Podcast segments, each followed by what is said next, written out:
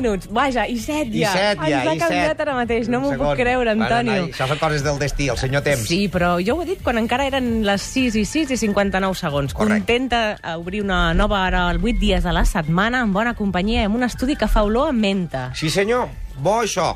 Molt bo. Molt bo. Perquè el Jordi Milan Campoy encara és al nostre costat i els seus còctels també. Escolta, què, què has portat, Jordi? Explica'ns una mica què hi ha sobre la taula de l'estudi de Catalunya Ràdio. Re, a veure, l'única cosa que hem, que hem portat són quatre utensilis bàsics Sí? per, per poder elaborar un mojito. Hem de tenir en compte que els barmans eh, necessitem unes quantes cosetes sempre diem abans de, de posar-nos a treballar i és una mica el que tenim, doncs tenim els gots de la cristalleria tenim a punt, ja tenim doncs, les culleres de barman, tenim les pinces per posar canyes, tenim les sucreres, tenim el jigger o mesurador, eh, tenim un sifon eh, per, per elaborar-nos unes medis de soda, tenim rom, tenim angostura, tenim suc de llimona i tenim gel, gel picat. Què ens falta? Set. Ens Música falta set. i música que Ah. ens porti a Mojito. Guajira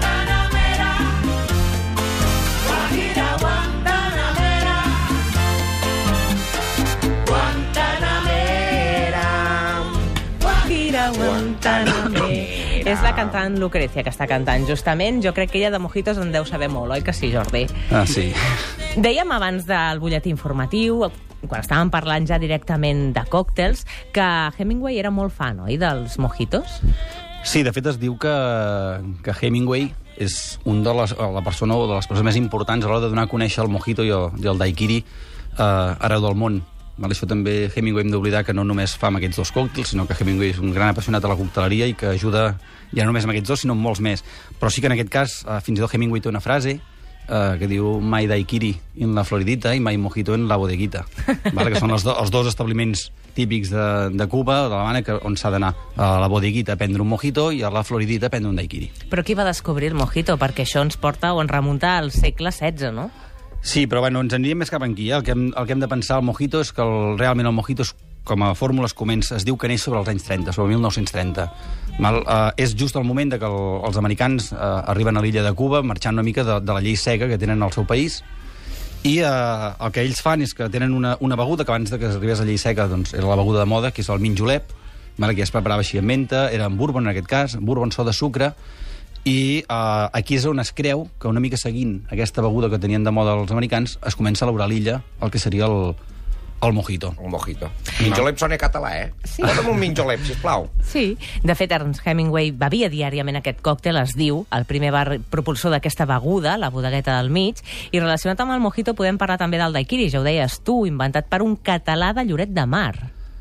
Bé, bueno, aquí hauríem de puntualitzar perquè el, el, el daiquiri, l'origen del daiquiri, si tornéssim a anar a veure on, on, on neix el daiquiri, la teoria està en que ho fan dos enginyers de mines, de les mines de daiquiri. Mm -hmm. Que un dia calorós doncs, acaben barrejant eh, el rom blanc amb llimona. I d'aquí comencen a veure que té una bona sinergia i, el, i comencen a treballar, o es comença a prendre rom amb, amb llimona. El que fa un català, que en aquest cas és Constantí Ribalaigua, eh, aquest català és de Lloret de Mar, mm -hmm. i ell se'n va a Cuba i eh, està treballant a la Floridita, que més tard la Floridita acaba sent seva.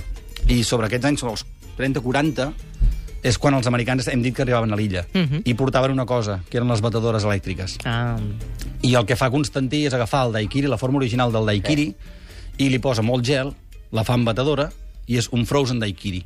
Això és el que fa Constantí arribar a l'aigua, que és fer el frozen daiquiri, que és un daiquiri com, com granitzat, perquè, us, perquè els oients ens puguin entendre, és com un daiquiri granitzat, val? molt més refrescant i menys alcoholitzant. Mm -hmm. I això de si aneu a dia d'avui a Cuba i aneu a la Floridita, el, el daiquiri que us serviran, doncs, si no dieu res en concret, us donaran un frozen daiquiri.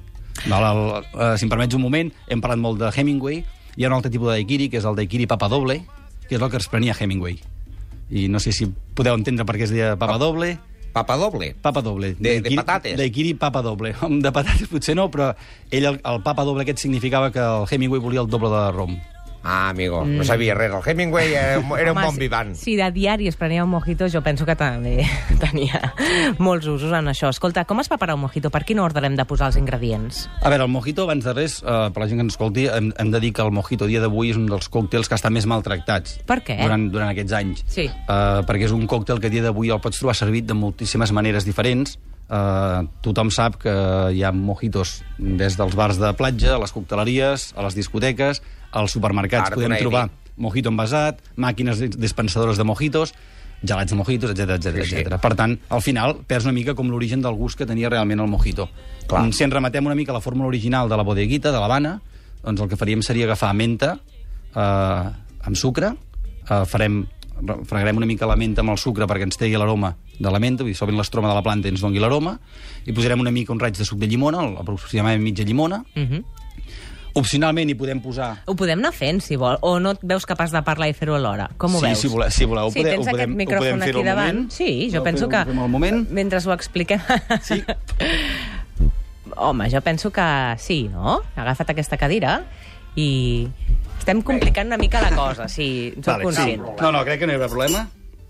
Va, el que farem és això, doncs, el que us he comentat, al primer moment, doncs posem una mica de menta vale, a dins, a dins el, el got, posem Molt bé. el sucre, Sí. vale, en aquest cas el sucre seria una mica el gust. Molt vale? bé. Es, es parla de 3-4 culleretes de sucre, en funció si volem més o menys dolç. Això també n'hi ha una mica en funció dels paladars.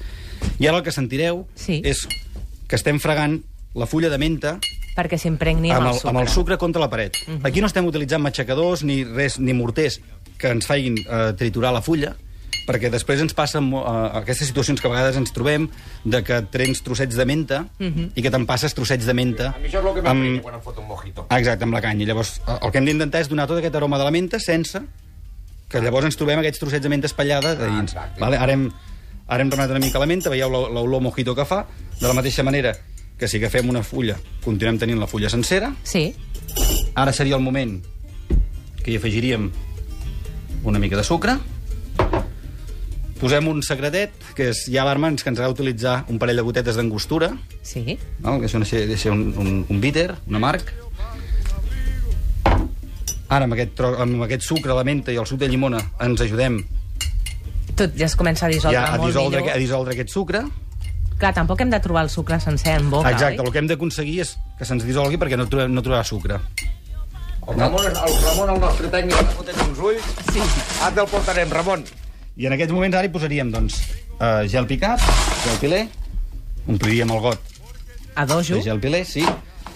Ara seria el moment de posar-hi el rom, en aquest cas uh, una mica també és el gust, però segons aquests tipus de gots doncs nosaltres hi posem uns 5 centilitres de rom, un en aquest cas, mesurador, rom, perquè... rom blanc. Important la mesura, eh? Va al gust Sí. del consumidor, sens Sí, les, dubte. mes, la, sí, però les mesures uh, sempre... A mi m'agrada parlar que és com la cuina. Uh -huh. Igual que la cuina et donen doncs, els grams o les quantitats que s'haurien de posar per una recepta, doncs en el cas dels còctels és una mica el mateix. I finalment això, doncs ara podríem, com que hem utilitzat gel picat, podríem ja remenar-ho i ja seria un mojito, o Sí. si volem també podem incorporar una miqueta de soda, sobretot soda, eh, ni, ni mar... bueno, si podem dir alguna marca, bueno, aquestes marques de gasoses o fins i tot eh, d'aigües amb gas, no, sinó que ens aniria més a una cosa neutra. Sort, en aquest cas, no fem... Ai, ai, ai, ai, ai, ai, ai, ai, per viure així no val la pena morir, noi.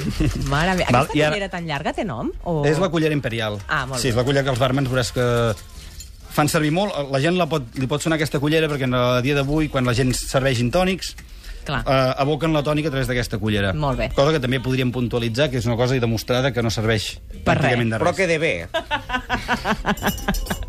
Escolta, jo I, fin- mentrestant... I finalment doncs, decoraríem això, el mojito el decoraríem doncs, amb una branqueta de menta i eh, un parell de canyetes. Ah, perquè sí, per l'Antoni i per mi el podem tastar. I ara sí, podeu tastar el mojito. Perfecte. És impressionant, l'ha fet molt ràpid, a més, clar que venies amb tot l'avituallament. Tasta'l, tasta l'Antonio. Què, això de venir a la ràdio? Està bé, eh? Mare de Déu. Aquest sí que m'agrada, noi. Sí? Aquest sí. això sí. Jo el vull Sí, tastar, senyor. eh? També ara parleu vosaltres, jo vaig tastant. Escolta, fantàstic. Pues sí que, que això que de, de, de... Perquè a mi m'emprenya a vegades el, el, el mojito per això, perquè et trobes les herbotes o el sucre i on se tapona la, la palleta és, és, un, és un enredo, però però és així. Sí, el de- mateix gust. No, fot-li gasto, fot, fot-li gasto a la manivela, tu, nena, fot-li gasto. No, de, de fet, a veure, és, jo crec que la cosa bàsica és, primer de tot, hem de saber que l'aroma de la planta, en aquest cas de la, de la menta, doncs hem d'aconseguir extreure aquest aroma. Aquest aroma l'extraiem amb un tema de fricció amb el sucre uh -huh. i que en el moment de que s'obre eh, l'estroma de la planta i ens dona aquest aroma, ja tenim el que volem. Llavors, el fet de matxacar o triturar aquesta menta a dins del got, l'única cosa que farà és poder donar fins i tot gustos més desagradables, i al final la sensació, que això és el més important, sensació Clar. desagradable. Vaig a llegir algun dels correus electrònics que hem rebut al llarg d'aquesta tarda. La Marta, per exemple, diu que el seu preferit, molt conegut, però no menys exi- exquisit, és un bon gin tònic. L'últim que s'ha fet era de Martin Miller amb Fever Tree. És un dels bons, no, aquests? Sí, uh, sí, en aquest cas ha treballat doncs, amb Martin Miller, és una ginebra d'una altíssima qualitat. De fet, uh, Martin Miller és una ginebra que està treballant... Aquí hem parlat fa un moment de la importància de, del gel. Uh -huh. En aquest cas també treballen amb la importància de l'aigua, i l'aigua prové de glaciar, d'aigua de glaciar, i Fever Tree doncs, uh, no, no s'ha de dubtar en cap moment que és una de, sinó una de les millors tòniques que hi ha ara mateix al mercat. La Bea Velasco diu, digueu-me... Oi, Bea Velasco Aguara, ha posat els dos cognoms, Molt ja bé, està, Bea. Bea, ets la bomba. Diu, digueu-me clàssica, però jo sóc d'un San Francisco. Depèn de l'hora o amb o sense alcohol. Exacte. És una Sí. bona... També en la Pilar diu... De ginebra, un got de tònica ben fresca i dins la copa pell de taronja i un canó de canyella. El trobo molt refrescant. És una bona opció. També posa els dos cognoms, Pilar Pagès Reventós. molt bé, de Sant Pere de Ribes. Sí, a veure, en principi, eh, la taronja i la canyella doncs el que faran serà donar calidesa al combinat o fins i tot donar una mica, un toc de dolçor. Si és una persona que el gin tònic agrada cap a aquesta, anant cap a aquesta tendència, doncs eh, serà correcte. La Rosa Maria Bafa Llull diu la caipirinya. Adolfo, bona tarda. Tarda. Adolfo, i què més de cognoms? Carbón Gómez. Escolta'm, Adolfo, quin és el teu còctel preferit? Bueno, doncs jo tinc un condicionant i és que jo no, no bec alcohol. Sí. La qual cosa en el món dels còctels és una mica complicat, no? I quan jo era molt jove, 18, 19 anys, jo sortia a brair, els meus amics tots es demanaven un destornillador, un... Fot-li qualsevol gasto. I jo, clar, ja, fins que vaig descobrir que es podia demanar una cosa que era el San Francisco, que hem- heu llegit ara una, una eh, persona que també li agradava.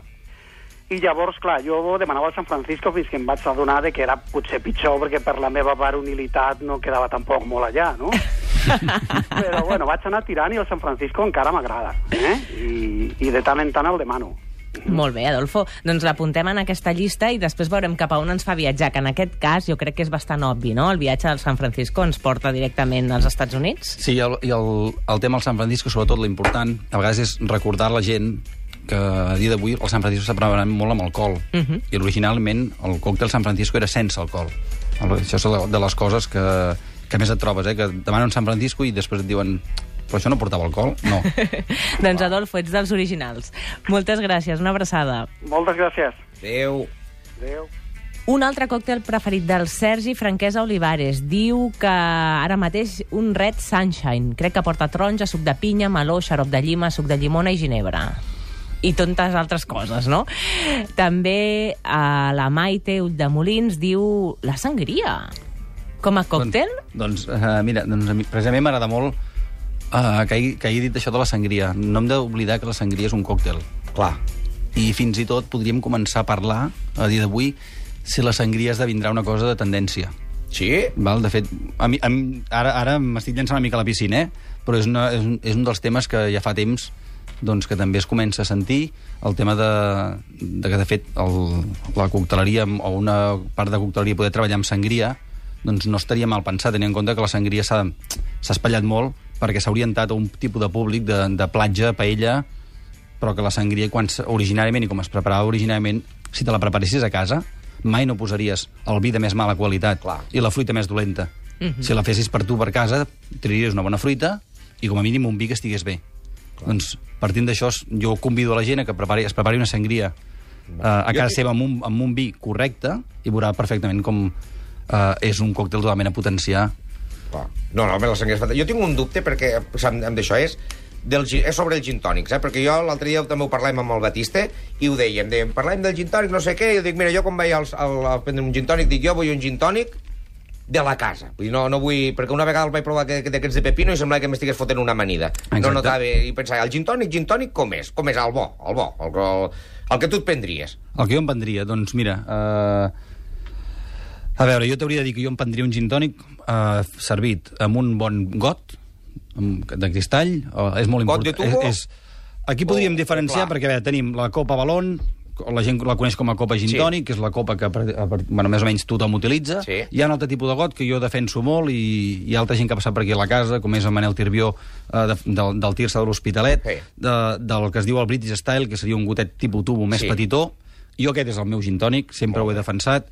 És aquell tipus amb, amb un got fet amb cristall, aquest got petitó, com he dit, amb un molt bon gel, Sí. el glaçó és molt important, una bona ginebra seca, eh, que tingui bona presència de ginebrot, per això és, és ginebra, una bona tònica, no, no falta dir marques, Clar. i finalment jo ho acabaria amb un twist de llimona, que és la pell de la llimona, tornar una mica a lo de les essències de les plantes mm. o, de, o de les fruites, la llimona, la taronja, qualsevol cítric, tota l'aroma, tota l'essència, els olis essencials estan a la pell. Exacte. Llavors el que fem és un moviment de torsió, per això es diu twist, Mm. que és fer espetegar aquesta pell a sobre del combinat i ens deixa aquesta part doncs, d'aromatització de llimona. Simplement això.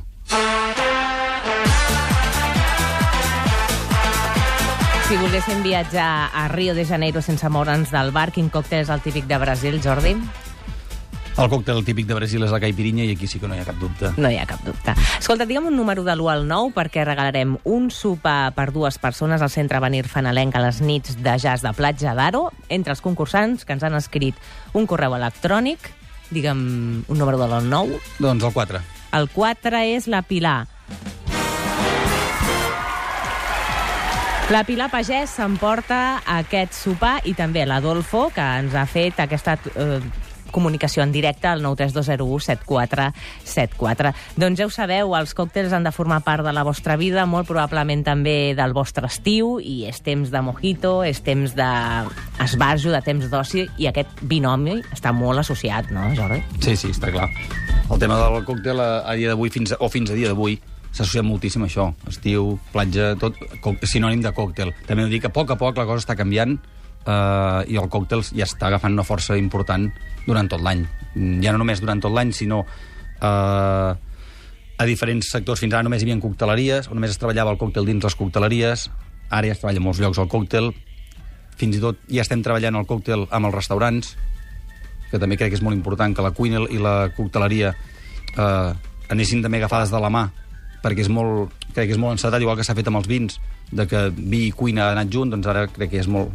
Ara ja anem molt més avançats, ja anem amb cuina, cocteleria i vi. Jordi Millán Campó, i moltes gràcies per haver vingut avui aquí a Catalunya Ràdio, fer-nos aquest mojito en directe. Boníssim. Sí, l'estem aquí gaudint a fons. I l'enhorabona doncs, per totes aquestes descobertes, de debò. Una abraçada. A vosaltres.